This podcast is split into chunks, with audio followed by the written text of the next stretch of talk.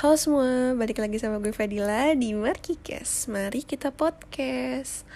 Oh my god, after a long time, yang bener-bener a long time Gue gak ngepost episode baru uh, di podcast gue ini. Karena kesibukan gue yang cukup hektik banget Apalagi soal kuliah. Itu bener-bener kayak hektik banget akhir 2021 sampai awal Januari ini kayak wah gila gue pusing banget kan. Jadi gue nggak sempet mikirin yang lain-lain deh tuh. Terus sebenarnya sebelum tahun baru gue sempet nge-record sama temen SMA gue. Cuman belum gue post sampai sekarang karena kayaknya itu perlu diedit dulu deh. Kayak ada beberapa yang harus dikat-katin karena ada nama orang yang harusnya nggak disebut tapi disebut. Ada cerita yang harusnya nggak di spill tapi di spill gitu. Jadi pertimbangannya cukup lumayan. Kalau misalnya itu di post takutnya menyinggung orang lain atau kayak gimana gimana gitu. Jadi sorry guys belum bisa diupload. Karena kalau cut cutin gitu kan butuh waktu ya. Dan saya kurang ada waktu untuk saat-saat ini gitu So guys, uh, sebelumnya gue tuh ngupload episode terakhir itu episode 11 kalau nggak salah sama temen kampus gue. Itu tentang apa ya tentang overthinking. Itu episode terakhir episode 11 terus gue nggak bikin-bikin lagi kan. Dan di episode 11 itu eh dari ke 11 episode itu sumpah ya gue kayak gila teman-teman gue tuh suportif banget gitu loh. Kayak udah mau datang udah mau datang lagi. Udah mau diundang buat bikin podcast udah mau dengerin juga gitu. Padahal itu teman-teman di second account gitu kan. Dan jumlah yang bukan jumlah yang denger sih jumlah uh, udah di putarnya itu udah di setel udah di play udah di play itu sebanyak 164 kali. Kayak wow kayak buat podcast iseng-iseng kayak 164 kali udah di play kayak ya lucu aja sih gitu. Dan gue cuma pengen kalian tahu kayak gue bikin podcast tidak ada maksud apa pun. Maksudnya kayak ingin menyindir salah satu pihak atau pengen adu nasib atau um, apa ya ajang untuk pamer atau ria atau segala macam lah. Maksudnya kayak nggak ada tujuan yang aneh-aneh. Cuman emang gue bikin podcast emang buat seru-seruan. Waktu itu karena waktu itu pas banget kayak lagi lagi zaman zamannya pada bikin podcast ya kayak gue sempet diundang sana sini sana sini gitu kan. Masa gue jadi bintang tamu doang sih? Masa gue nggak punya podcast sendiri gitu kan? Terus akhirnya udah gue bikin kan. Just it gitu. Yang kayak buat have fun gitu yang kayak ngobrol dan suatu waktu kalau dengerin lagi kan ini karena kan namanya rekam jejak digital kan pasti kayak suatu waktu kayak kalau di dengerin lagi atau dilihat lagi kan kayak lucu gitu. Apalagi sama teman-teman terdekat kan. Gitu guys. Jadi jangan pernah menyangkut pautkan apa yang udah pernah gue sama teman-teman gue omongin dengan hal-hal lain gitu yang intinya sebenarnya kita ngobrol tuh ngalor ngidul ya. Cuman gue yakin banget di situ pasti kayak apa yang temen gue ceritain dan apa yang gue ceritain itu pasti kayak ada suatu hal yang positif suatu pengalaman yang kayak bisa buat kalian apa ya kayak oh iya ya gitu. Oh gitu ya gitu. Kalau kalian dengar sampai habis gitu. Cuman itu sih intinya gitu. Dan uh, sesuai judulnya Markikes tanpa bintang tamu. Gue emang mau ngomong ngobrol sendiri ngomong sendiri. Bukan ngobrol sih ngomong sendiri. Tapi nggak yang kayak ngomong sendiri nggak jelas gitu. Tapi sempat beberapa hari lalu gue upload question box di second account. Gue bilang tanya dong random gue bilang gitu kan. Hmm, 10 pertanyaan aja nanti yang akan gue bahas di podcast gitu. Sebenarnya harusnya uh, episode ini tuh ada di awal podcast ini baru dibikin harusnya. Harusnya itu episode pertama. Kayak mungkin kayak introduce dulu kali ya say tapi tiba-tiba gue di episode pertama kedua tuh udah langsung kayak ngundang temen gue gitu.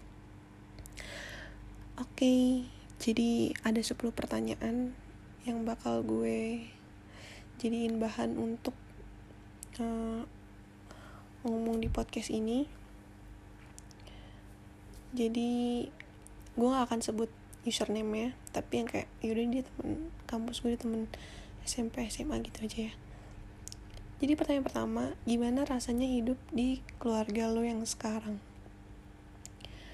Oke okay, jadi hmm, bagus sih pertanyaannya maksudnya kayak beberapa episode ke belakang kan tentang relationship relationship relationship terus gitu kan. Maksudnya kayak ini keluarga yang kayak oke. Okay. jadi gue mau uh, spill dulu. Gue tuh anak pertama di keluarga gue anak pertama dari dua bersaudara. Adik gue cowok kita beda umurnya 5 tahun terus gue cucu pertama di keluarga bokap gue dan cu gue cucu per cucu kedua di keluarga nyokap gue. Um, menurut gue jadi anak pertama perempuan itu cukup bukan cukup berat sih cuman kayak tuntutannya lumayan lah ya. Kayak gue harus menjadi contoh yang baik di keluarga gue itu lumayan banget. Karena gue jadi sorotan nih kayak pokoknya tuh Mbak Dila harus gini gini gini gini, gini gitu. Tapi sebenarnya gue nggak yang ngikutin banget sih. Gue jadi gue sendiri gitu. Gimana rasanya hidup di keluarga ini kayak sebenarnya kita nggak bisa nentuin ya mau di keluarga yang kayak gimana gitu kan. Cuman gue bersyukur uh, punya kedua orang tua kayak ayah sama mama gue yang membuat karakter gue kayak sekarang itu karena mereka gitu. Uh, pendidikan karakter di keluarga gue itu cukup keras sebenarnya gue bukan keluarga yang strict eh gue bukan anak yang strict parents banget gitu enggak. Cuman kalau dibilang strict parents strict parents tapi enggak yang banget gitu. Oke okay, soal karakter hmm, sebenarnya lebih ngajarin untuk menjadi perempuan yang bervalue sih. Jadi gue ingat banget sebelum umur gue 17 tahun waktu itu 15 atau 16 tahun gitu nyokap gue pernah bilang mbak di luar sana banyak perempuan yang mungkin lebih cantik dari kamu yang lebih kaya dari kamu yang lebih segalanya dari kamu gitu kan. Tapi kamu harus tahu setiap perempuan itu uh, apa namanya kayak harus punya prinsip sendiri gitu. Kamu harus punya value sendiri yang membedakan antara kamu dengan perempuan lain gitu. Bukan dari fisik gitu. Karena kalau misalkan kayak kamu melihat diri kamu cantik gitu kan ya standar kecantikan orang tuh beda-beda gitu. Kayak mungkin gue bilang diri gue cantik tapi menurut orang lain biasa aja gitu. Pun juga sebaliknya gitu. Lagi juga zaman sekarang juga banyak banget saya cewek cantik di dunia ini. Bukan di dunia lah di Depok lah. Ibarat Depok banyak banget. Anak-anak cewek-cewek hits yang badai-badai yang cantik-cantik gitu kan. Tapi apa yang buat perempuan itu berbeda antara satu dengan yang lainnya? Karena bervalue gitu kan. Punya prinsip gitu. Terus pokoknya kamu di di situ tuh gue didoktrin untuk menjadi perempuan yang smart gitu perempuan yang beretitude perempuan yang tahu manners. Kalau misalkan perempuan yang smart nyokap gue selalu bilang kamu harus punya harus berwawasan luas dalam arti maksudnya smart ini bukan smart dalam pendidikan ya. Ya pendidikan iya cuma maksudnya kayak bukan berfok bukan terfokus sama itu gitu. Cuman kayak wawasan kamu harus luas. Ketika kamu berbicara sama laki-laki atau lawan bicara kamu kamu harus buat orang itu emis ketika dengar kamu ngomong gitu. Walaupun kadang juga gue lebih suka jadi pendengar dibandingkan gue yang ngomong gitu kan. Tapi kayak itu harus smart. Dan kamu harus tahu ketika ada orang yang tidak menghargai kamu apa yang harus kamu lakukan gitu. Terus hmm, soal manner. Soal manners ya biasa sih ya kayak dari cara makan cara duduk cara itu sih yang diajarin sama nyokap gue kayak habis makan uh, sendok garpu nggak boleh kayak geletak gitu aja harus ditutup gitu kan segala macem. Terus attitude attitude mungkin semua orang tua juga ngajarin untuk uh, untuk uh, memiliki attitude yang baik gitu kan. Cuman attitude di sini lebih ke um, menghargai sih. Jadi gue tuh di keluarga gue tuh diajarin untuk gini ibarat kayak gue nih gue makan makan siang gitu kan makan siang biasanya makan makan apa ya? Makan siang atau makan malam sih. Yang kayak di rumah gue ini kan banyak orang ya. Pokoknya tuh setiap makan gue tuh harus nawarin ke mereka semua kalau gue mau makan gitu. Jadi nggak yang kayak tiba-tiba gue ngambil nasi ngambil lauk di dapur terus gue makan gitu nggak gitu. Jadi gue kayak habis ya mau makan di meja makan gitu kan kayak gue nawarin nih mah makan. Ayah makan. Yang makan yang gitu. Semua orang harus gue tawarin. Sarapan pun kayak gitu. Sarapan mah sarapan ya gitu. Bahkan kayak adik gue juga gue nawarin ke adik gue. Kan gue manggil adik gue tuh kan mas ya. Jadi di rumah gue ini ya nggak ada yang adik. Jadi kayak mas sama mbak panggilannya gitu dan gue tidak pernah ngomong sama adik gue tuh gue lu tuh nggak pernah gitu. Kayak aku kamu aku kamu. Mas aku boleh ini nggak? Mbak aku boleh ini nggak? Gitu. Jadi kayak membahasain diri kita sendiri tuh kayak ya mbak. Ya gue tuh mbak gitu. Gitu. Terus ya terus ini juga hmm, gimana caranya untuk hmm, kalau habis sholat contoh lain. Contoh lain kayak gue habis sholat. Itu tuh lo tau gak gue di umur sekarang di umur 21 tahun gue setiap sholat subuh zuhur asar maghrib isya gue selalu di, disur, diwajibkan untuk salim cium tangan. Cium tangan ke nyokap atau bokap gue. Itu wajib. Karena kayak gak tahu ya mungkin katanya kayak katanya kata bokap gue kayak apa ya kayak habis sholat ya salim biar berkah gitu segala macem gitu. Sampai sekarang gue kayak habis sholat maghrib gue salim selalu cium tangan gue kalau misalkan habis sholat gitu. Dan mungkin nggak semua anak diajarin untuk seperti itu ya. Yang kayak aneh gak sih? Awalnya tuh kayak apaan sih? Ini salim salim gitu kan. Dulu pas kecil kan kayak capek gitu pas udah umur udah udah udah mulai gede 17 tahun 18 tahun kayak gue nggak salim kan tuh kayak oh udah gede jadi nggak mau cium tangan segala macam tapi sampai umur 21 tahun gue masih cium tangan sama nyokap bokap gue kalau habis sholat. Terus apa lagi ya? Ya itu intinya harus jadi perempuan oh ya harus jadi perempuan yang mandiri independen ketika kamu bisa ngelakuin hal itu sendiri lakuin sendiri gitu. Jadi gue selalu diajarin untuk tidak bergantung sama orang kayak gitu. Jadi nggak dibiasain apa apa tuh butuh orang gitu. Walaupun kenyataannya ya namanya manusia makhluk sosial ya kan? Cuman kalau misalkan emang kamu bisa lakuin sendiri lakuin sendiri gitu. Terus um, nyokap bokap gue tuh realistis. Jadi yang pasti um, lebih mementingkan bagaimana kita bisa bertahan hidup itu dibandingkan dengan foya-foya atau menghabiskan uang yang tidak penting gitu. Hmm, contohnya untuk kebutuhan sekunder gue sebenarnya ini bukan sekunder sih sebenarnya itu fasilitas yang harusnya dipenuhi sama orang tua gitu tapi gue memenuhi ini sendiri gitu. Contoh kayak laptop handphone bahkan kayak chargeran headset kayak barang-barang gue yang lain yang bukan kebutuhan pokok gue itu gue harus ngedapetin dengan uang gue sendiri dengan cara gue sendiri. Gimana pun caranya kalau lo mau itu lo harus berusaha untuk dapetin itu gitu. Contoh handphone. Gue berani sumpah demi apa pun dari HP gue Asia HP pertama gue Asia sampai HP gue yang sekarang gue pakai 10R itu tuh gue beli pakai uang gue sendiri.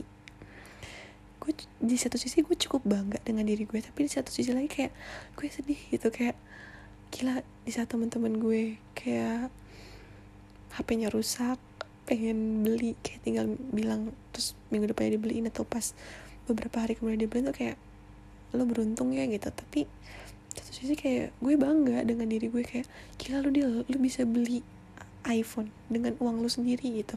Lu beli HP Android dengan dengan duit lu sendiri gitu. Dulu tuh gue Asia tuh inget banget gue habis lebaran. Gue tuh selalu intinya tuh gue selalu ganti HP setelah lebaran. Karena keluarga gue cukup banyak jadi kayak lumayan lah dapet angpau angpau apa sih namanya THR lumayan. Asia gue urutin ya. Dari Asia terus aduh gue lupa lagi hmm, Nexian kalau nggak salah. Nexian terus Croc Cross terus hmm, gue tuh gue waktu itu di saat orang-orang pakai BlackBerry gue nggak pakai. Terus Smart Friend kayaknya. Asus gue inget banget dulu tuh kalau misalkan kayak gue lagi chatan kayak sambil nyolok itu itu Asus panas banget nyet. Kayak wah gila. Gue pernah pakai HP itu gitu Asus terus gue ganti iPhone 4 dari iPhone 4 ke iPhone 5 iPhone 5 ke iPhone 6s terus yang kayak ya udah sekarang gue pakai gitu. Dan itu gue selalu beli pakai uang gue sendiri. Sumpah sumpah sepersen pun gak ada orang tua gue nambahin duit buat beli handphone tuh gak gak ada. Bahkan laptop gue pun itu gue beli pakai duit gue sendiri.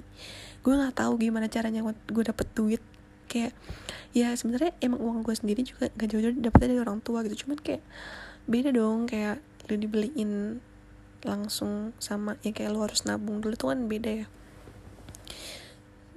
Gila gue gue setelah gue pikir-pikir gila juga lu dalam nabung ya gitu. Kayak lu nggak kelihatan nabung tapi kekumpul tuh duit gitu. Gue nggak gue juga nggak tahu itu cara, caranya gimana gitu. Karena menurut gue orang tua gue bukan orang tua yang sering ngasih uang bahkan kayak gue mau nongkrong sama teman-teman gue pun itu kayak uang ojek uang segala macam itu itu pakai duit gue coy. Kayak nggak ada orang tua gue nambahin kayak nih sana pergi. Nih buat ongkos nggak pernah. Waktu pas lagi kuliah lagi sekolah ya. Cuman kalau misalkan lagi setelah pandemi ini kan gue jadi uh, kalau kalian tahu gue tuh sistemnya kalau misalkan uang jajan itu per bulan jadi per bulan gimana pun caranya uh, mama kasih uang segini terserah kamu habis mau kayak gimana kamu atur sendiri. Jadi dari dari kecil tuh gue emang, emang udah uh, diajarin gimana cara manage uang gitu. Dari SD gue dikasih uang bulanan. Sampai gue kuliah kemarin. Dan setelah pandemi itu gue bener-bener nggak dikasih bulanan sama sekali. Sorry sama sekali nggak dikasih bulanan. Kayak even 200 ribu. Aja tuh enggak ya alhamdulillah gue berada di keluarga yang cukup suportif kayak tante gue om gue uak gue eyang gue gitu kan. Kayak nih buat ini buat ini buat ini buat ini gitu. Jadi kayak gue masih bisa nongkrong sana sini ya guys gitu. Kalau nggak itu kayak kadang sih ngasih duit cuman kayak buat ongkos gitu. Nih buat top up money gitu. Cuma selebihnya kayak gue ngopi gue makan. Makan tuh kayak buat di cafe kayak gitu empat puluh ribu ya say. Kayak itu tuh nggak di cover gitu kayak. Ya lo kalau mau pergi lu pakai duit lu sendiri gitu. Dan ya satu sisi gue bangga satu sisi gue kayak sedih dikit. Terus kayak apa ya? Ya intinya barang-barang yang gue punya kayak skincare skincare segala macam itu gue beli pakai duit gue sendiri. Bahkan baju pun gue hmm, lumayan jarang beli baju. Kayak kadang-kadang aja sih gue bukan orang yang suka beli baju sebenarnya. Gimana tergantung gue mix and match baju gue aja. Terus kayak ya itu yang gue bilang keluarga gue suportif. Misalkan gue nggak dapet hal ini di orang dari orang tua gue tapi gue dapet dari tante gue dari om gue gitu. Contoh gue uh, sebenarnya kalau misalkan soal baju gue nggak bukan orang yang uh, apa ya gila merek ya. Maksudnya kayak gue harus pakai merek yang ini kalau nggak ini nggak mau gitu kan. Atau gede gengsi atau gimana enggak cuman kalau misalkan dibilang emang kalau misalkan kualitas baju apalagi perempuan menurut gue kayak ya semakin bermerek ya semakin bagus gitu. Cuman kalau misalkan kayak ya standar sih kayak uh, baju-baju yang di brand yang di mall-mall gitu kayak H&M, Uniqlo, Gaudi, terus Cotton On gitu segala macem Pull&Bear gitu kan. Menurut gue itu kan lumayan pricey buat anak yang belum punya penghasilan kan. Terus kayak orang tua gue beliin tapi kayak jarang jarang jarang banget gitu waktunya gitu. Dan di antara semua merek itu gue kayak suka banget sama Uniqlo. Karena baju-baju gue kayak celana segala macam tuh gue suka banget Uniqlo gitu. Karena menurut gue kayak bahannya enak banget gitu. Terus kayak simple tapi modalnya tuh bagus gini gini gini segala macam. Terus yang kayak ya gue nggak dapetin di orang tua gue. Misalkan kayak ya udah ya gue nggak dibeliin gitu. Misalkan dalam setahun tuh gue gak dibeliin baju sama sekali gitu. Tapi kayak gue dapet dari tante gue kayak dibeliin nih mbak kemarin atau beli ini ini ini deh gitu. Kayak satu style ya alhamdulillah gitu. Terus yang kayak jadi bokap gue kan kerjaannya lumayan sibuk ya sibuk banget. Jadi bokap gue itu kerja di perusahaan yang dia menyalurkan jasa security gitu. Jadi kayak bener-bener wah waktunya nggak ada banget lah karena dia megang Depok Bogor Sukabumi Pelabuhan Ratu gitu. Jadi kayak jarang banget ada waktu buat keluarga gitu. Jadi kayak sebenarnya tuh gue sabtu minggu tuh jarang quality time keluar sama keluarga inti gue yang berempat ini kayak keluar kota atau ke mana itu itu hampir nggak pernah kayaknya deh. Terus ya akhirnya gue ya sama tante gue sama om gue gitu sama saudara gue yang di GDC makanya kan gue akrab banget sama yang di GDC kan kayak bahkan tahun baruan pun gue nggak pernah tahun baruan sama orang tua gue gitu. Gue selalu sama saudara gue sama ponakan gue gitu. Jadi ya itu alhamdulillah. Maksudnya kayak yang nge-backup adalah gitu. Gitu. Jadi hmm, apa ya? Itu. Hidup di keluarga gue yang sekarang ada enak nggak enaknya. Tapi lebih banyak enaknya sih. Tapi apa enaknya? Apa enaknya? Ya enak aja. Gue nggak kekurangan kasih sayang karena sangat sangat um, kalau gue sangat peduli sama gue apalagi dengan kondisi gue yang tidak sehat 100% kan. Walaupun memang gue sudah dioperasi tapi kan kapasitas sehat gue kan beda sama yang emang nggak pernah dioperasi gitu kan nggak pernah kena skoliosis gitu. Jadi mungkin kalau misalkan bisa dibilang kapasitas kesehatan gue tuh cuma 70% gitu dibandingkan orang normal. Jadi gue sangat di protek buat lah soal kesehatan gitu. Terus apalagi bokap gue bokap gue tuh sangat aware banget sama gue gitu. Love language dia tuh act of service deh kayaknya. Jadi kayak gue lagi main di mana nih? Tiba-tiba yang kayak mau dijemput nggak gitu? Mau boleh. Ya udah dia datang terus yang kayak gue tuh pernah magang di BJB jadi bokap gue kan megang BJB juga. Jadi gini loh uh, jadi dia kerja di perusahaan yang namanya Bravo. Jadi Bravo ini yang emang kayak uh, apa ya misalkan Margo City nih. Margo City kan banyak ininya. Apa namanya? Apaan sih iya kayak intinya store store nya store store terus kayak kayak ada selfie ada banyak lah gitu kan. Terus maksudnya kayak setiap di dalam mall itu kan pasti ada security-nya lagi kan. Nah itu tuh uh, make jasa dari perusahaan bokap gue gitu. Terus bank-bank BJB Danamon terus Bank Permata Bank Maybank Bank apa lagi ya uh, muamalat itu bokap gue yang megang gitu. Jadi um, ya kenalan dia cukup banyak dan gue bisa magang di BJB karena kenalan dari bokap gue gitu kan. Ya gitu terus pas gue magang gue lupa bawa pulpen. Gue chat di grup keluarga kan kayak ya aku lupa bawa pulpen gini gini gini segala macem. Nggak ada yang respon tapi bokap gue ngerit gitu. Terus nggak lama tiba-tiba kepala security nyamperin gue. Lo bayangin bukan securitynya lagi tapi kepala securitynya. Bener-bener kayak mau ketemu sama mbak Dila dong. Dia bilang gitu kan. Oh iya nih gitu. Oh iya kenapa? Gue bilang gitu. Ini uh, tadi disuruh uh, bawain pulpen. Katanya Bajila nggak bawa pulpen ya gitu kan. Dan lo tahu pulpen yang dibawain berapa? Tiga. Yang kayak gue tuh cuma butuh satu. Dan itu juga kayak ya udah gue gabut gue gue bilang aja gue gak bawa pulpen gitu. Maksudnya kayak biar ada temen chat aja gitu. Karena gue pas magang di BJB emang agak gabut kan. Join tiga gitu. Maksudnya kayak gue nggak perlu perlu banget sebenarnya pulpen gitu. Cuman kayak oh iya makasih gue bilang gitu kan. Kayak oh my god. Cuman sebatas pulpen gitu. Dan banyak hal-hal lain yang emang bokap gue lakuin buat gue yang kayak wow belum gue temuin sih di hmm, keluarga lain. Maksudnya di keluarga. Maksudnya di dalam keluarga kan ada keluarga lagi gitu. Bukan di keluarga orang lain tapi maksudnya di keluarga gue yang lain gitu. Terus ya udah sih. Intinya attitude itu perlu banget di keluarga gue. Dan ya enak gak enak sebenarnya hidup di keluarga gue. Oke okay, tempat yang kedua tempat favorit kalau ngedate.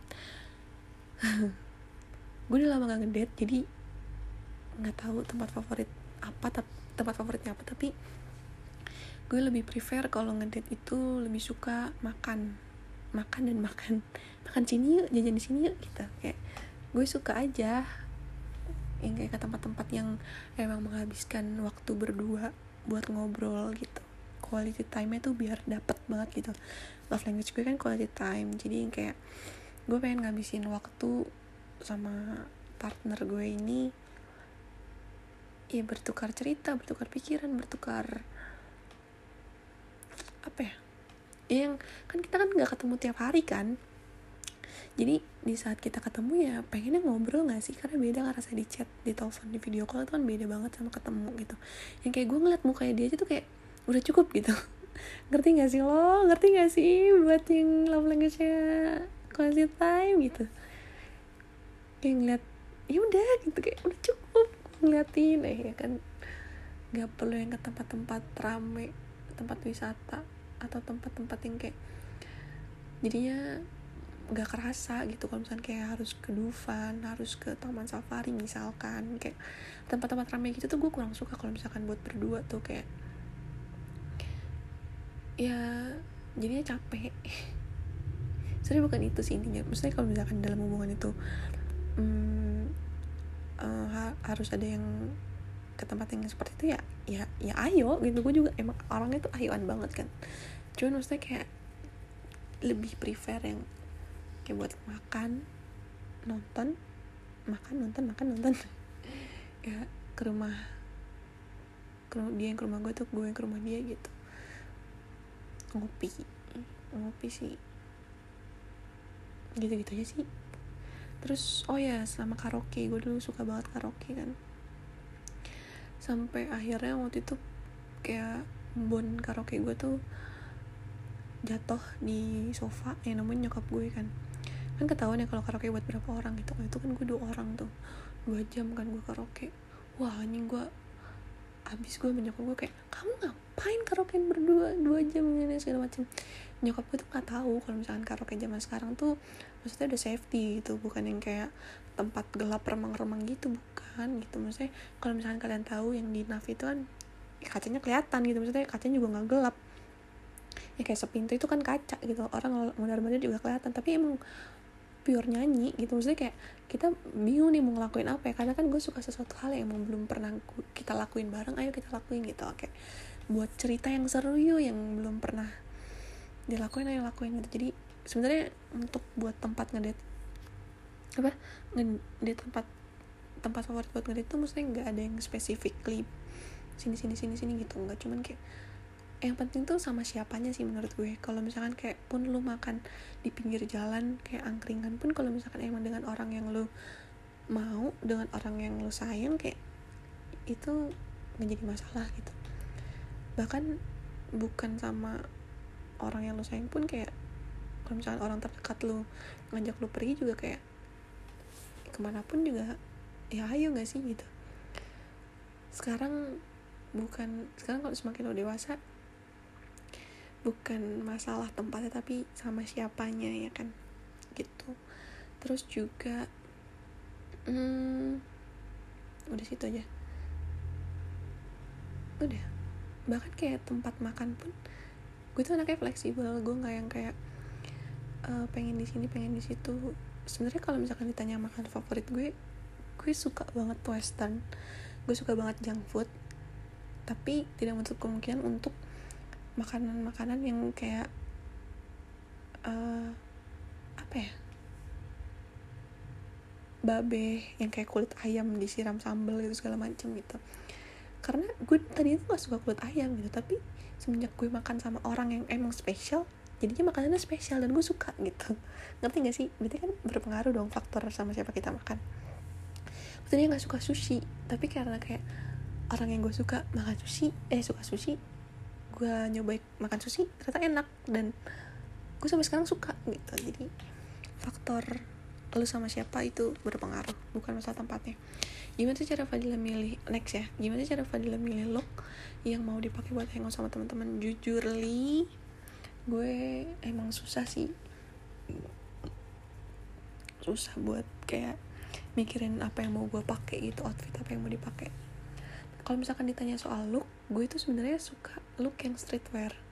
Tapi untuk perempuan berhijab streetwear itu agak kurang cocok ya mungkin menurut gue dibandingkan dengan perempuan yang nggak pakai kerudung gitu. Karena um, sebenarnya itu gue udah pernah nyoba deh kayaknya. Yang kayak pakai pakai coach pakai hoodie oversize pakai sneakers nggak cocok di gue gitu. Sebenarnya itu keren tapi nggak cocok di gue. Dan menurut gue kalau misalkan untuk outfit yang streetwear itu perlu mengeluarkan budget yang lumayan. Karena um, karena ya seperti kita tahu bahwa sneakers sneakers yang streetwear itu tidak murah ya kan? Terus jujur jujur ya gue tuh suka banget ngeliat orang pakai sneakers tapi kenapa gue tidak bisa pakai sneakers? Karena kaki gue basah. Sebenarnya ini nyambung nih ke pertanyaan nomor 4 alasan sering pakai flat shoes. Karena tuh kaki gue kan keringetan. Kalau misalkan gue pakai sneakers sneakers kan maksudnya nggak yang kayak harus nggak bisa lepas pakai lepas pakai kan. Kalau misalkan flat shoes tuh misalkan gue duduk lagi makan nih gue bisa copot nanti gue pakai lagi kayak gitu kan. Jadi kaki gue gak basah banget gitu. Terus kalau sepat kalau sneakers gue suka banget Nike apalagi Nike Air Force.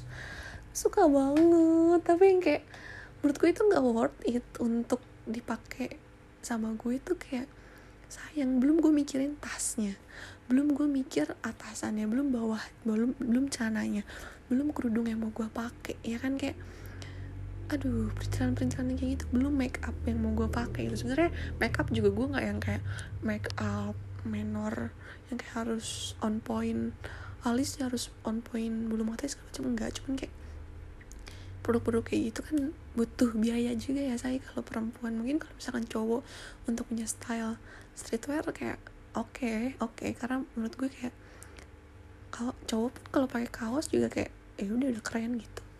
Cuma kalau cewek kan harus mikir kalau misalkan gue mau pakai kaos tapi berarti kan di luarnya kan harus ada lagi gitu kan outernya gitu.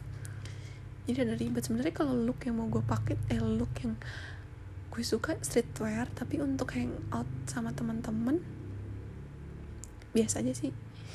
Paling blus atau nggak blus ke meja tapi itu mikirnya lama banget gitu gue mau pakai itu tuh lama gitu. Karena sebenarnya gue tuh pengen terlihat rapi bukan karena gue pergi sama siapa. Kayak penampilan gue ini tuh ya gue pakai karena gue pengen keluar rumah gue harus terlihat rapi gue harus ketika gue ngaca gue harus enak dilihat gitu. Intinya itu kadang kan gue suka ngaret kan kalau pergi sama temen gue terus nyokap gue tuh kayak marah-marah kamu tuh tadi ngapain aja sih gini gini segala macam gitu kan. Orang cuma mau pergi ke situ doang sama si ini gitu kan. Bukan masalah itunya. Gue kayak gue tuh gue buat terlihat gue gak bilang cantik uh, gue buat terlihat rapi itu emang buat diri gue sendiri bukan kayak pengen dilihat orang seperti ini seperti itu gitu kan. Cuman ya biar enak dilihat juga sih. Cuma kayak ini itulah. Nyokap gue tuh kadang suka tidak mengerti apa yang diinginkan gue gitu. Tapi cara milih looknya itu paling ya udah celana juga paling celana hitam atau celana uh, jeans celana kulot. Karena jujur ya, ya ini salah satu faktor juga kenapa gue tidak bisa mengekspresikan style gue karena faktor bokap gue ayah gue tuh sangat ingin gue menjadi perempuan yang muslimah. Ih semua orang, eh, semua bokap juga pasti pengen kayak gitu. Cuman bokap gue tuh terlalu menuntut gue untuk uh, berpenampilan seperti anak-anak pesantren gitu. Yang kerudungnya panjang yang bajunya panjang yang celananya gombrong gitu dan gue belum bisa menerapkan itu gitu di lingkungan ling lingkungan lingkungan yang gue rata-rata teman-teman gue kayak begitu ya kan? Kayak gue pakai kerudung itu ah, ada alhamdulillah banget gitu karena gue tuh dari dulu tuh gue tidak mau pakai kerudung sebenarnya guys. Gue bahkan di SD pun di saat orang-orang hari Jumat pakai kerudung gue satu salah satu perempuan yang gak pakai kerudung. Gue nggak segitu nggak maunya gue pakai kerudung itu dan gue disuruh pakai kerudung pas SMP tuh gue nangis nangis gue nggak mau nggak mau. Karena menurut gue rambut gue bagus gitu kayak gue nggak mau pakai kerudung. Bahkan kayak sampai sekarang itu godaan gue tuh masih banyak gitu. Tapi kayak ya udah untuk menjadi perempuan yang baik ya lo harus bisa pakai berpenampilan yang baik juga kayak gitu. Terus uh, ya itu bokap gue tidak menginginkan gue untuk pakai pakaian yang crop gitu kan. Pokoknya harus nutupin belakang gitu. Jadi rada susah sih untuk gue um, milih look yang mau dipakai buat hangout sama teman-teman karena gue kayak gak ada bokap gue kayak gue harus pakai yang gombrong dulu di rumah harus bajunya kalau yang tadi mau gue masukin tapi dikeluarin dulu baru di luar gue masukin kayak gitu.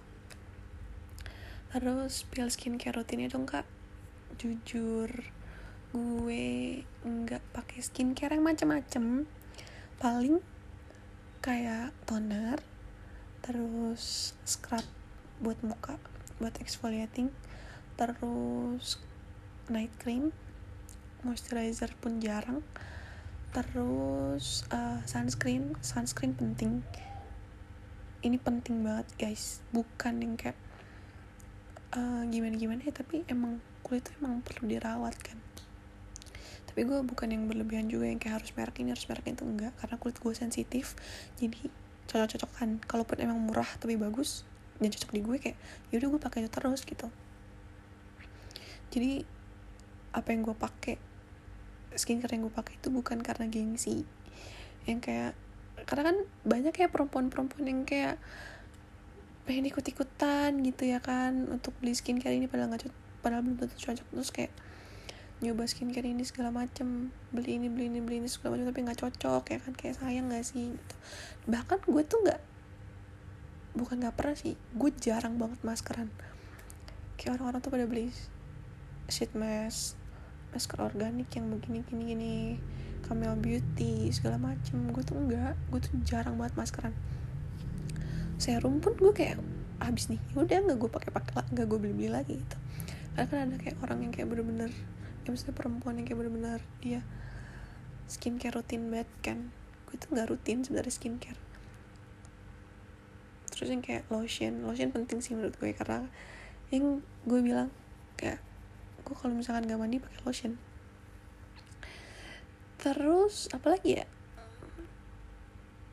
Ya udah gitu-gitu aja sebenarnya skincare gue. Oh terus kayak ini apa sih? Yang buat blackhead remover gitu loh yang kayak kom buat ngangkat komedo. Terus udah itu aja. Terus hal yang buat kamu gak suka dan bad mood. Hal yang buat gue gak suka itu gue gak suka diburu-buruin. Kayak mau pergi nih kayak eh, cepet dong gue udah nyampe nih. Gue kepanasan nih segala macem. Ini gue gak suka yang di huru harain tuh gue gak suka gitu. Karena gue udah punya pertimbangan sendiri gue udah punya time management waktu sendiri. Terus yang kayak ya udah seenjoynya gue aja gitu. Gue gak suka diburu-buruin. Hal yang buat gue bad mood apa ya? Apa ya say nggak ada nggak tahu. Karena gue tuh anaknya bukan tipe orang yang moody. Jadi kayak so far gue tuh anaknya fun yang kayak nggak gampang baper. Terus juga nggak yang gampang apa ya kesel sama orang marah sama orang tuh jarang banget gue. Bahkan gue tuh anaknya tuh ketawa mulu gitu. Bahkan lo receh pun gue ketawa. Apalagi lu lucu gitu kan gue ketawa. Gue gampang ketawa. Intinya gue ketawa mulu deh. Tapi belum tapi bukan berarti gue nggak pernah ngerasain galau. Gue nggak dibilang galau ya sebenarnya uh, kalau dulu tuh gue setiap gue galau nih gue selalu ngepost di first account. Kayak menunjukkan kalau gue galau gitu. Sekarang nggak sih lebih ke kayak private aja okay hmm, apa nih ceritain tentang gimana awalnya bisa skoliosis. Wow ini gue ngomongnya udah 41 menit. Skoliosis awalnya itu gue nggak tahu kenapa gue bisa skoliosis. Karena gue ketahuan itu waktu pas SMP SMP kelas 1 naik kelas 2 deh kayaknya itu pokoknya sebelum akhirnya gue periksa ke dokter itu tuh gue ngerasa gejala-gejala yang um, pegal-pegal badan gue. Setiap gue pulang sekolah tuh gue pegel dan selalu dibertekin sama nyokap gue. Kayak gue ngerasa kok ini kayak punggung gue tuh nggak nggak nggak apa ya pegelnya tuh nggak wajar gitu. Kayak kalau misalkan dibilang masuk angin masa iya setiap gue pulang sekolah masuk angin mulu kan? Gue tuh dulu sering dikerokin gitu kan punggungnya tapi nggak merah tapi kok pegel gitu makanya dibertek-bertek segala macam sampai akhirnya kayak tulang belikat gue nih punggung gue tuh agak menonjol gitu loh. Cuma kayak orang tuh ngeliatnya mungkin kayak bengkak gitu. Terus pas mau dikerokin itu kayak nyokap gue ngeliat kok punggung kamu yang kanan kok rada tinggi rada rada nonjol gitu. Kenapa nih? Gitu kan. Terus um, ya udah gue awalnya belum mau buat berobat atau gimana gimana kan kayak ya udahlah. Ini bukan suatu hal yang fatal atau gimana gitu. Karena gue nggak pernah jatuh juga kan sebelumnya. Gue gak ngerasa sakit atau gimana gitu kan. Kayak itu hal yang biasa mungkin yang kayak bawaan lahir gue mikirnya gitu. Terus kata nyokap gue mama lu ngelahirin nggak ngelahirin kamu nggak kayak gini gitu segala macam. Sampai akhirnya berobat ke dokter dibilang skolios eh disuruh ronsen dibilang skoliosis gue kayak masih biasa aja kayak oh ya udah gitu kan. Tapi kata dokternya gue ingat kayak kamu jangan berkecil hati ya gini gini gini gini. Gue kayak gue nggak ngerti gitu kayak oh iya iya gue bilang gitu kan kayak gue nggak tahu kalau misalkan bisa sefatal itu ternyata penyakit gue gitu kan. Terus abis gue tuh ingat banget gue berobat di Mitra keluarga Depok. Itu gue masih ingat banget. Alurnya momen itu gue masih ingat banget. Terus di situ derajat kemiringan tulang belakang gue tuh udah 30 derajat apa 50 derajat gue lupa. Sampai akhirnya ternyata semakin miring lah badan gue. Diperiksa diperiksa segala macam akhirnya intinya gue dirujuk ke dokter ortopedi namanya dokter Lutfi. Dia dokter terbaik se Asia dokter tulang belakang terbaik intinya. Dan gue sulit banget buat nemuin dia. Sangat sangat sulit dia tuh itu prakteknya di Fatmawati Rumah Sakit Premier Bintaro RSPI Pondok Indah RSPI Bintaro. Sama apa lagi ya? Lupa gue rumah sakit apa lagi. Gue itu nyamperin dia di Fatmawati ya kan?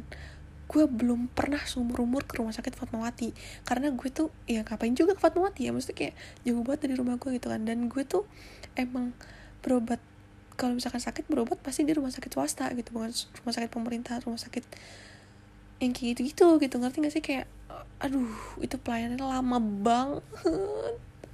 Lama selama lamanya lama ya kan? Harus dioper sana oper sini oper sana oper sini padahal gue bayar pribadi gitu bukan yang kayak BPJS atau KIS gitu loh. Tapi kayak tetap aja gitu kayak ah nggak praktis menurut gue kalau rumah sakit pemerintah tuh. Mana pasiennya banyak banget ya kan kalau misalkan di rumah sakit swasta kan kayak itu udah udah dia ngurusin kan. Bahkan by system gitu kan. Data lu udah oper ke sana oper ke sini kan udah by system gitu. Ini tuh kadang kayak lo harus bawa berkasnya dulu ke sana sini. Lo harus masih harus fotokopi. Masih harus aduh. Gue kayak aduh sampai akhirnya bener kan. Di Fatmawati itu dokter Lutfi itu cuman praktek dua jam apa salah. Dan gue gak ketemu sama dia. Gue udah nunggu lama gue gak ketemu. Ketemu sama dokter-dokter yang koas koas itu. Dokter-dokter praktek. Akhirnya uh, bokap gue mutusin untuk yaudah buat janji aja di RSPI Pondok Indah. Itu dan FYI setelah gue yang kemarin waktu itu di Mitra pertama kali gue berobat itu tidak di cover sama asuransi gue. Karena asuransi gue bilang ini penyakit bawaan. Jadi gue bayar pribadi. Dan kalian tahu namanya berobat di ortopedi apalagi ronsen itu biayanya sangat mahal. Ya kayak oh anjing. Terus gue mikir kayak anjing di RSPI kan kayak aduh. Udah pasti berkali-kali lipat nih dibandingkan di mitra gitu kan. Terus yang kayak yaudah coba aja siapa tahu asuransinya bisa di RSPI gitu kan. Ya udah akhirnya gue buat janji akhirnya ketemu lah tuh sama dokter Lutfi itu. Kayak gue gak butuh waktu lama buat ketemu sama dokter itu gitu. Kayak pasiennya juga cuma berapa orang doang gitu terus ngobrol-ngobrol-ngobrol di ronsen ternyata fakta mengejutkan bahwa derajat kemiringan gue sudah cukup besar. Bahkan sangat besar 70 derajat dan itu harus operasi. Gue ketemu dia yang pengennya terapi malah suruh operasi ya kan? Panik dong gue kayak wah gila ini gue gak bisa sembuh nih gitu. Terus kayak gue mikir gila tulang dioperasi coy kayak masa iya? gitu kan kayak dan yang buat gue berpikir adalah gimana bisa uh, gue setelah operasi dan menjalani kehidupan gue dengan pakai pen yang buat gerak tubuh gue terbatas gitu kan. Terus ya awalnya gue kayak masih mempertimbangkan karena ternyata bener di RSPI juga nggak di cover ini gue apa namanya uh, asuransi gue asuransi gue nggak mau cover. Akhirnya bener pakai biaya sendiri eh uang sendiri dan nggak bisa dirembes juga dari kantor bokap gue. Terus kayak gue mikir gila kalau misalkan gue operasi pakai biaya sendiri apalagi di RSPI berapa duit gitu kan. Bahkan dokter aja bilang tuh nggak terhingga gitu karena operasi tulang belakang adalah operasi terbesar kedua setelah operasi tengkorak kepala alias operasi otak. Kayak wow. Saya gue disarankan sama dia coba bikin BPJS dan kamu coba uh, perawatannya pindah ke Fatmawati itu sebelumnya emang gue tuh nggak punya BPJS karena ya kan dari bokap gue udah asuransi gitu kan ngapain gue harus bikin BPJS lagi gitu. Yang harus biaya sendiri ya kan. Terus akhirnya dari situ gue baru bikin BPJS tuh. Sekeluarga di luar dari kantor kan pribadi lah intinya. Terus gue um, itu pas banget gue disuruh operasi tuh gue mau lulus SMP mau ke SMA gitu gue tidak mau mengorbankan masa SMA gue dengan keterbatasan gue sebenarnya kayak gitu dan gue belum siap. Mental gue tuh belum siap karena recovery itu lama banget yang kayak harus setahun. Gue nggak bisa yang kayak merasa dispesialin dengan fisik gue yang baru setelah operasi itu gue nggak bisa gitu. Akhirnya selama SMA gue enjoy dengan skolasis gue sumpah gue tuh sebenarnya udah disuruh operasi pas pas SMP akhir itu kan. Cuman kayak gue nggak mau gue bandel lah intinya. Gue ngejalanin masa SMA gue dengan tulang gue yang bengkok yang melengkung gitu. Tapi situ gue punya pacar coy. Kayak pacar gue tuh anjing pacar gue maksudnya kayak dia tahu eh semua gue salut salut sama orang laki-laki yang kayak tidak melihat perempuan dari fisiknya gitu. Sebenarnya fisik gue tuh kelihatan banget beda dari yang lain. Tapi yang kayak sampai gue tanyakan oh tahu gue kayak gini tahu. Dia bilang gitu. Nggak masalah enggak. Berarti kan dia emang melihat gue kan dari personality kan. Berarti dari dari karakter gue gitu. Itu guys pentingnya kalian mempunyai karakter yang kuat buat branding lu juga gitu kan. Terus yang kayak ya udah. Dan gue pun disupport sampai akhir gue mau operasi tuh disupport yang kayak ke dokter ditemenin gitu segala macem. Terus um, ya gue jadi masa SMA gue dengan tidak berobat sama sekali gue nggak kontrol sama sekali gue nggak ngecek berapa derajat kemiringan gue bertambah atau enggak atau gimana atau gimana enggak. Gue bodo amat. Gue tahu semakin parah tahu kayak rasa itu semakin pegal cuman kayak ya gue nggak bisa apa-apa gitu karena itu menurut gue keputusan yang cukup besar. Karena butuh waktu juga kan untuk ngurus-ngurus segala macem. Sampai akhirnya semakin parah semakin parah. Gue digotong sana sini. Gue bisa ditur digotong kan dari turun dari Bromo. Terus di kelas gue tiba-tiba kaku. Ada tuh videonya di second account gue kayak gue ditandu kan sama teman-teman gue yang cowok gitu. Kayak udah langganan banget. Uh, badan gue kaku karena kan gue miringnya ke kanan ya. Kiri gue tuh berarti nggak ada tulang lah ibaratnya gitu. Jadi kayak gue sering kram di bagian kiri gitu. jadi kaku badan gue. Nggak bisa gerak sama sekali. Terus setelah gue lulus SMA akhirnya gue memutuskan untuk ya udah oke okay, gue mau fokus sama kesembuhan gue dulu baru gue kuliah kayak gitu kan. Sebenarnya gue tuh bahkan nggak mau dioperasi gitu. Cuman kata keluarga gue kayak perempuan tuh sangat dilihat fisiknya gitu. Kayak harga harga harga harga jual perempuan apa ya? Apa ya bahasa halusnya ya? Maksudnya kayak dilihat dari fisiknya gitu. Kayak laki-laki tuh emang banyak lihat fisik. Kayak mungkin kalau misalkan buat pacaran kayak ya nggak apa-apa fisik kayak gitu. Tapi kalau misalkan buat nikah gitu kan kayak apa dia mau menerima kamu dengan seperti ini gitu kan? So kayak ya udah oke. Okay. itu butuh keyakinan yang sangat sangat sangat sangat sangat lama. Sangat sangat. Gue sampai kayak tanya sama Allah kan kayak ya Allah kenapa harus Fadila gitu. Kenapa harus gue? gitu. Kenapa bukan perempuan yang lain? gitu. Kenapa harus gue yang harus ngadepin ini? gitu. Kenapa gue harus yang beda dari yang lain? gitu. Itu gue kayak wah gila gue sedih banget. Tapi ya untungnya gue punya teman-teman yang sangat support gue mati-matian yang kayak wah gila mereka wah gue kalau bahas itu kayak panjang deh parah. Ya intinya gue bisa sembuh kayak sekarang gue bisa ya bantuan dari teman-teman gue karena kan gue juga lumayan lama ya di rumah sakit kan satu bulan gue di rumah sakit. Dan BPJS tidak bisa VIP kan paling ban paling banter kelas 1 itu gue udah kelas 1 kan tapi di Fatmawati nggak ada fasilitas kayak sofa gitu segala macam. Jadi kan tidurnya di lantai ya paling pakai bed cover gitu. Dan nyokap gue nggak bisa yang kayak full di rumah sakit selama satu bulan itu kan. Jadi yang jagain gue tuh teman-teman gue yang kayak mereka habis pulang kampus kayak dia yang jagain lo siapa? Dia gitu kan. Dan gue pengen nangis deh kayak nyokap gue gini gini gini gitu kan. Terus kayak udah nyokap lu pulang aja nanti gue habis balik kampus ke sana nginep nungguin lo gitu segala macam kayak parah sih. Gue alhamdulillah banget ya Allah sampai sekarang gue selalu digalingin sama teman-teman yang baik teman-teman yang nggak perhitungan sama gue gitu.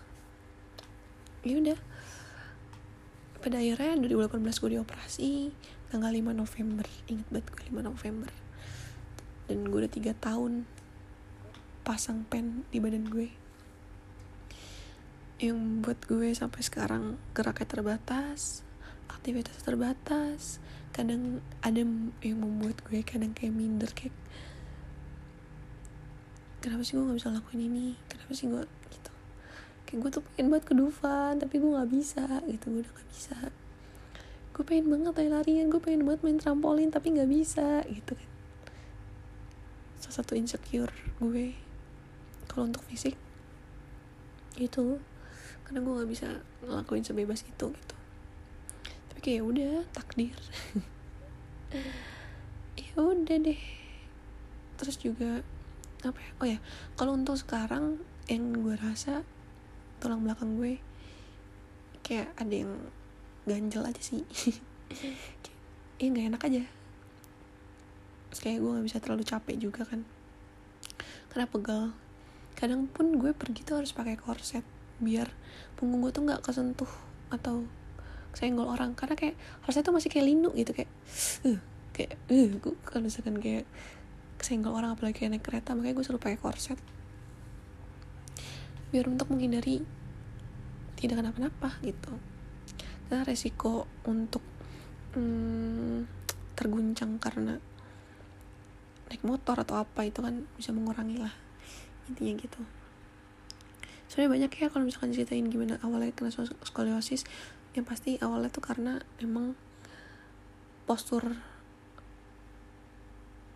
uh, badan gue nggak benar pas duduk. Cara gue duduk tuh salah kayak miring lah intinya. Kayak gue dulu tuh sering duduk di pojok badan gue miring nulisnya miring kan misalkan gue lagi sekolah.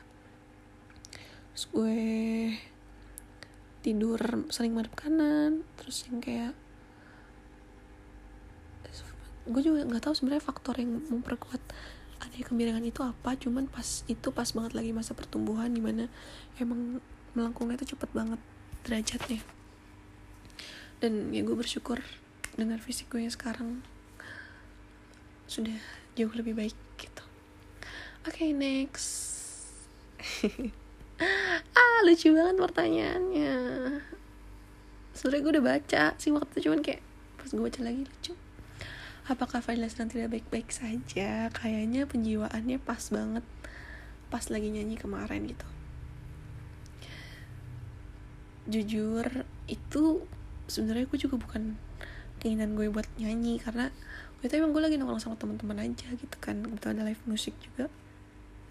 Terus ya nyanyi itu kayak interaksi gitu kan sama kita. Interaksi sama kita terus yang kayak nyamper nyamperin kan kayak ayo dong nyanyi bareng sama aku gitu terus segala macam terus pada nggak mau. Nyampe lah dia di meja gue sama teman-teman gue kan.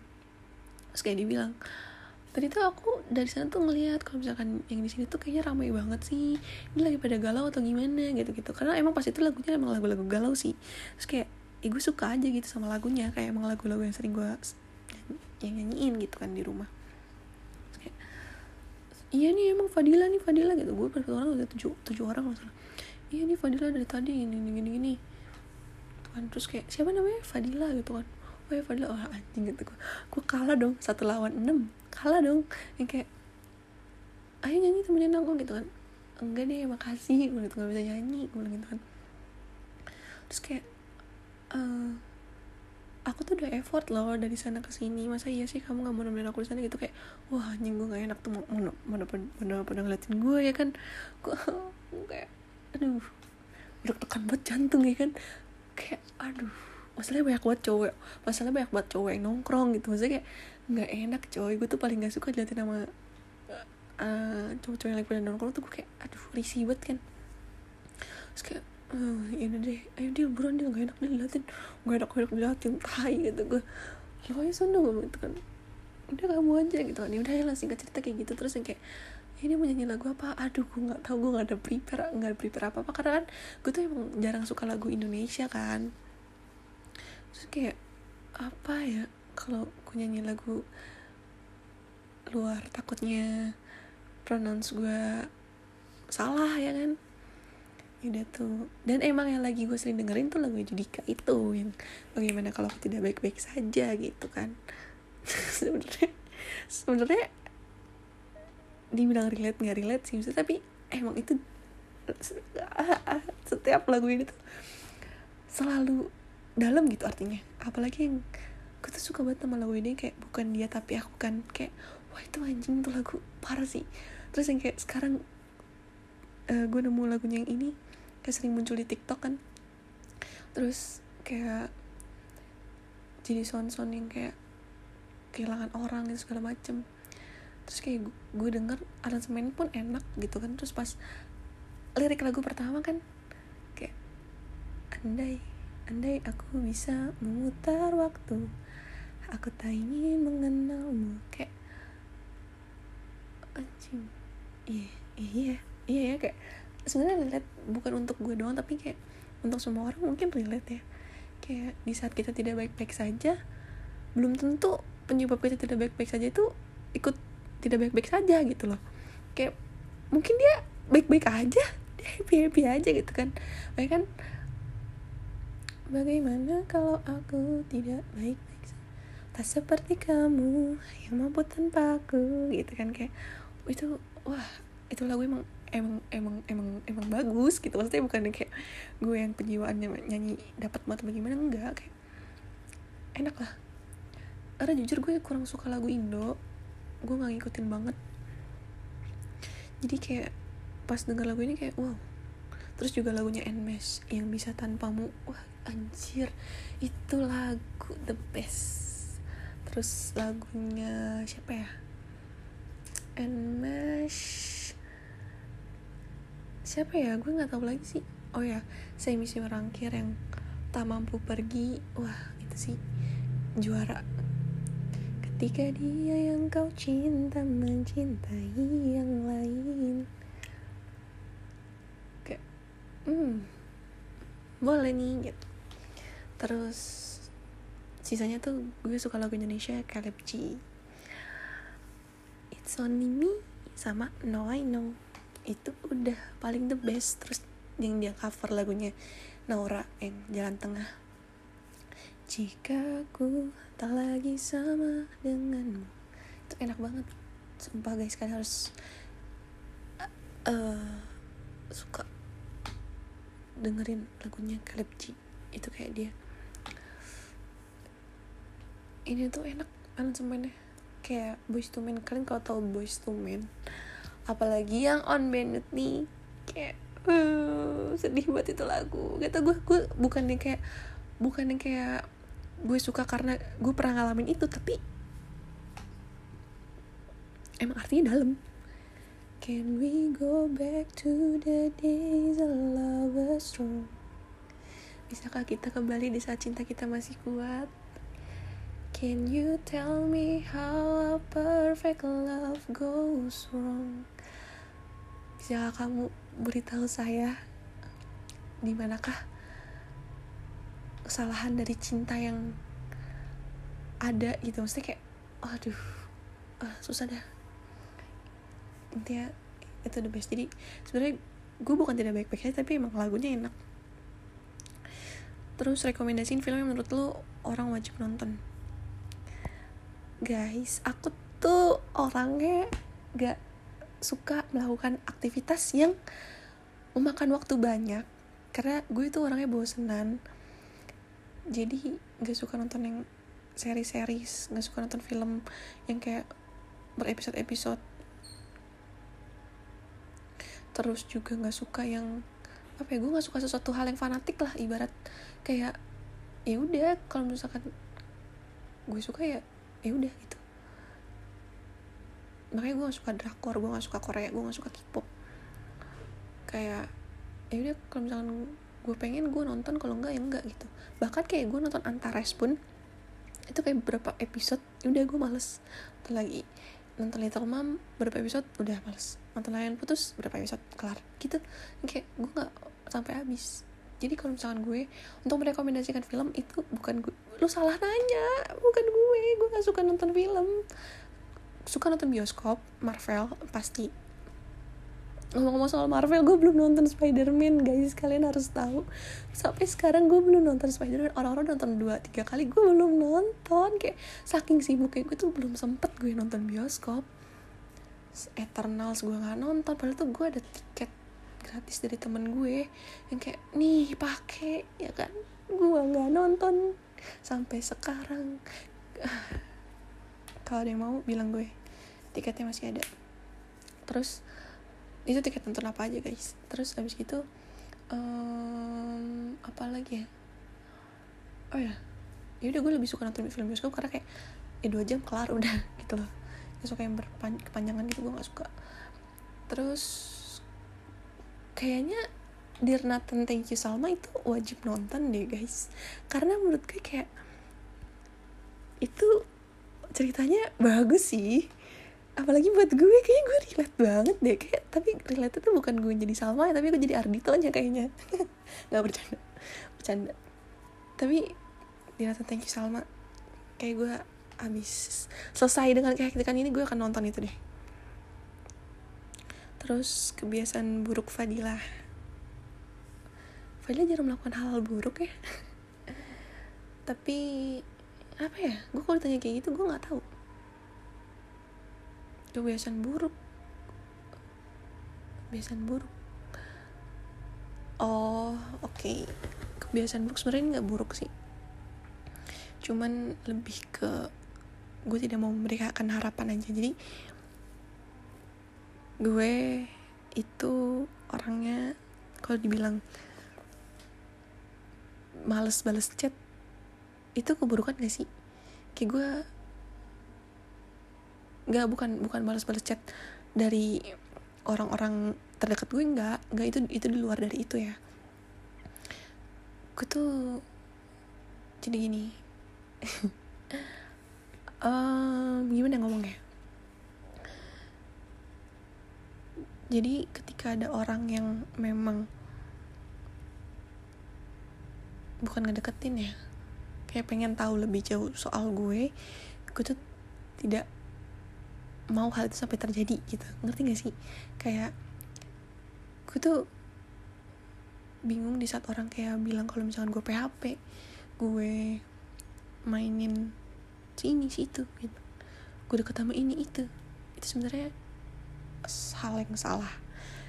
Salah banget. Kayak lo belum kenal gue. Karena kalau misalkan orang-orang terdekat gue pasti tahu gue tidak sembarangan itu buat bisa membuka diri gue untuk cowok atau orang lain lah gitu. Kayak gue bisa deket sama dia tapi belum tentu dia bisa deket sama gue kayak gitu. Karena gue tidak memberikan akses itu. Dan uh, kenapa gue gak memberikan akses itu? Karena kayak ya gue gak mau ngasih orang harapan gitu. Bahkan dari awal pun dari awal dia ngechat pun gue tidak membalas gitu. Jadi kayak sebenarnya itu kebiasaan buruk gue sih kayak gue nggak mau kenal. Gue nggak mau kenal nggak mau nambah kenalan kenalan dengan stranger stranger gitu gue nggak mau. Sumpah yang kayak ya allah. Sebenarnya itu dari lama gue pengen deaktif akun first account gue gitu. Kayak banyak banget kayak soalnya itu first account tuh nggak tersaring gitu kan banyak banget strangers dan gue kayak hmm, kebiasaan buruk sih. Kayak nyuekin orang tuh kebiasaan buruk sih buat gue. Terus yang kayak ya karena gue pengen membedakan gitu sikap gue dengan orang yang memang spesial dan yang tidak spesial gitu. Jadi dari awal pun gue tidak nanggepin dia. Ya gimana gimana gitu. Kalaupun emang kayak nggak enak kan ya gue balasnya jarang-jarang sehari sekali.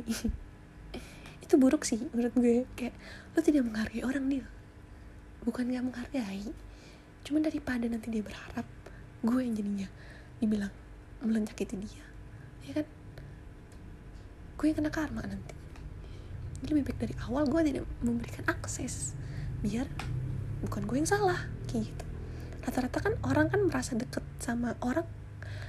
Gini gimana deh jadi gini banyak orang yang kayak mengaku dia deket sama si ini padahal salah satu pihak tidak merasa mereka lagi dekat gitu. Jadi gue mau menghindari itu gitu. Jadi emang ya gue gak deket sama siapa-siapa gitu dan gue tidak mau memberikan opini ke orang kalau misalkan gue lagi deket sama dia gitu padahal gue gak deket gitu. Tapi dia merasa deket gitu kan gue gue ngerinya kayak gitu gitu. Jadi ya gue itu sebenarnya buruk apa enggak sih? Nggak tahu deh gue. Sing kayak ya udah kayak gitu. Kebiasaan buruk gue cuek sama orang. Gitu. Dan cuek sama orang yang tidak dikenal itu sebenarnya nggak buruk ya? Sebenarnya nggak buruk sih. Itu itu penting sih menurut gue kayak wajar. Tapi kalau misalkan cuek untuk orang terdekat gue itu juga gue cuek buat kayak teman-teman gue. Pokoknya orang-orang yang kayak udah satu circle sama gue yang kayak teman main teman SMA teman kelas teman segala macem lah. Ini kayak udah bener-bener deket sama gue gitu bukan stranger. Gue tetap cuek karena love language gue bukan words of affirmation. Jadi gue bisa sangat cuek padahal gue sangat peduli.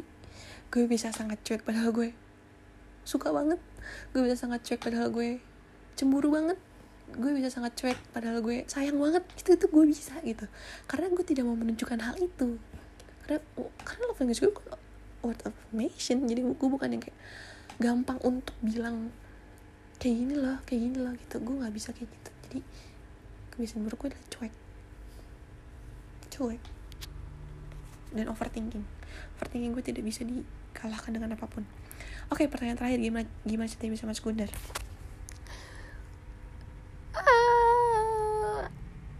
gue nggak mau sebenarnya masuk Gundar kan. Kayak gue bilang karena bokap nyokap gue lulusan Gundar masa sih anaknya Gundar juga gitu kan. Terus juga gue nggak mau masuk Gundar karena lingkungan Gundar tuh sama kayak di SMA gue gitu. Orang-orangnya tuh sama gitu makanya kayak gue takut ketika gue kayak melakukan sesuatu hal yang salah atau kayak gimana atau yang kayak apa apa tuh cepet banget tersebar informasi di Gunadarma tuh cepet banget. Apalagi buat lingkungan gue lingkungan SMA gue terutama gitu kan kayak uh, jadi gue kayak gue pengen punya lingkungan baru yang di luar dari SMA gitu pengennya. Sebenarnya enak sih punya kenalan kan. Punya kenalan di Gundar tuh enak gitu di kampus tuh enak. Cuman kayak aduh ada ada gak enaknya juga sebenarnya gitu. Dan gue tuh tadinya kan sebenarnya kalau misalnya ditanya PTN gue antara mau dan tidak mau PTN karena jaraknya jauh-jauh juga kan sedangkan fisik gue yang kayak gini kayak mm, jadi bahan pertimbangan buat orang tua gue juga. Terus uh, ya UNJ sih gue pengennya awalnya. Terus karena nggak dapet ya udah akhirnya gue milih Bakri. Kenapa nggak UP karena gue tidak tertarik. Karena menurut gue anak UP kurang keren maaf guys buat kalian yang anak UP cuma menurut gue kayak kalau misalkan dibilang tenar lebih tenar anak gun daripada anak UP sorry. Cuma emang fakta anak UP tuh mainnya situ-situ doang gitu kayak kasih gitu. Gue pengen di Bakri gue udah daftar gue udah beli formulir gue udah ngisi formulir gue udah transkrip nilai. Tapi ada satu orang yang bilang temen gue yang di Bakri bilang katanya lu nggak bakal sanggup tinggal di Bakri karena perjalanan cukup jauh macet juga gini gini segala macam gitu. Padahal gue tuh pengen jadi anak Bakri banget gitu kayak gila kampus udah rasa Said gitu kan. Terus kayak kalau misalkan sore-sore pulang kampus kayak nonton futsal di Gor Sumantri gitu kan kayak wow. Wow aja. Tapi ternyata karena omongan satu orang itu yang buat gue kayak ah iya juga ya akhirnya nggak jadi lah gue di Bakri. Dan gue akhirnya gue melirik udah Dharma. Padahal itu udah mau close ininya pendaftarannya. Dan itu pun juga nggak niat gue masuk Gundar. Saya kayak ya udah beli formulir tiga ratus ribu gue inget banget gue transfer tiga ratus ribu. Terus uh, itu pun bermasalah gue tuh pas daftar. Pas daftar bermasalah gue tuh masih pakai notebook Axio. Terus kursornya tuh ngadat lah intinya gitu kan. Terus gue belum uh, belum ngisi nama ibu kandung sama nomor KTP apa nggak salah. Tapi udah dan fotonya juga kayak bukan foto formal tapi ke submit sama gue gitu. Ini kayak gitu. Itu nggak bisa dong kayak gitu gitu. Mana fotonya juga bukan muka gue gitu. Jadi kayak intinya ada kesalahan teknis lah. Ya kayak gue kayak ah udahlah gue mau jadi bunda deh kayaknya. Terus akhirnya udah lah mau formulirnya hilang gitu. Eh nyokap gue dengan santai kayak ini mau betul terus gue telepon Gundara kan terus kayak, kayak harus datang ke kampus gini gini karena itu harus orang IT-nya yang ngurus segala macam kan. Kayak nyokap gue dengan santai kayak ayo mau temenin ke Gundar itu gue tempat di kampus di gedung 2 lantai 4 anjing. Itu gue ke sana habis jumatan. Gue ngurus itu inian gue pendaftaran gue. Dan fatal ternyata. Yang kayak emang harus orang IT yang ngurus harus ngubah datanya harus dibuka. Gue dua jam tiga jam lebih kayaknya deh. Dari siang sampai sore. Itu gue ngurus sama orang IT-nya lo tau orang IT-nya anak Gundar juga. Anak 2016 apa 2000 berapa ya? terus yang kayak ya udah diurusin kan sama dia. Akhirnya jadi tuh gue masuk Gundar kan. Terus kayak ah bener nih jodoh gue di Gundar. Gitu.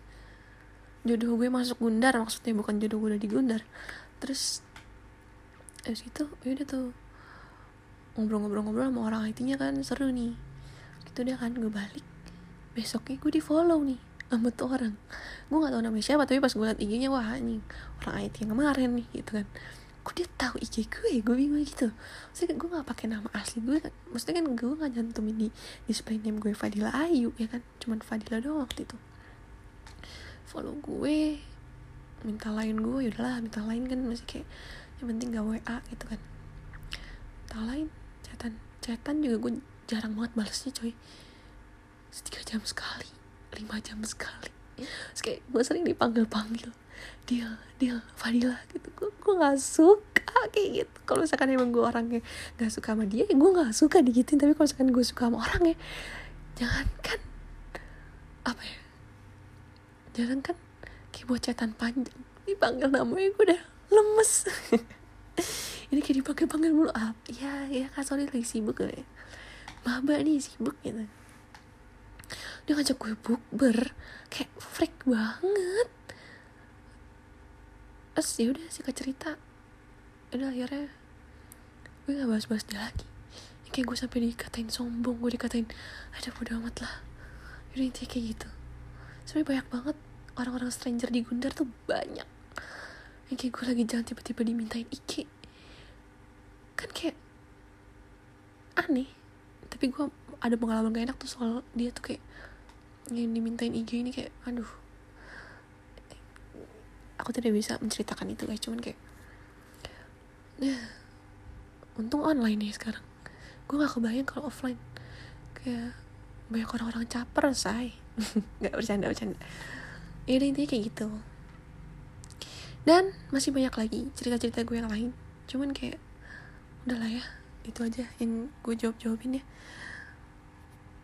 Sisanya selebihnya kayak soal suka tipe cowok yang kayak gimana suka oh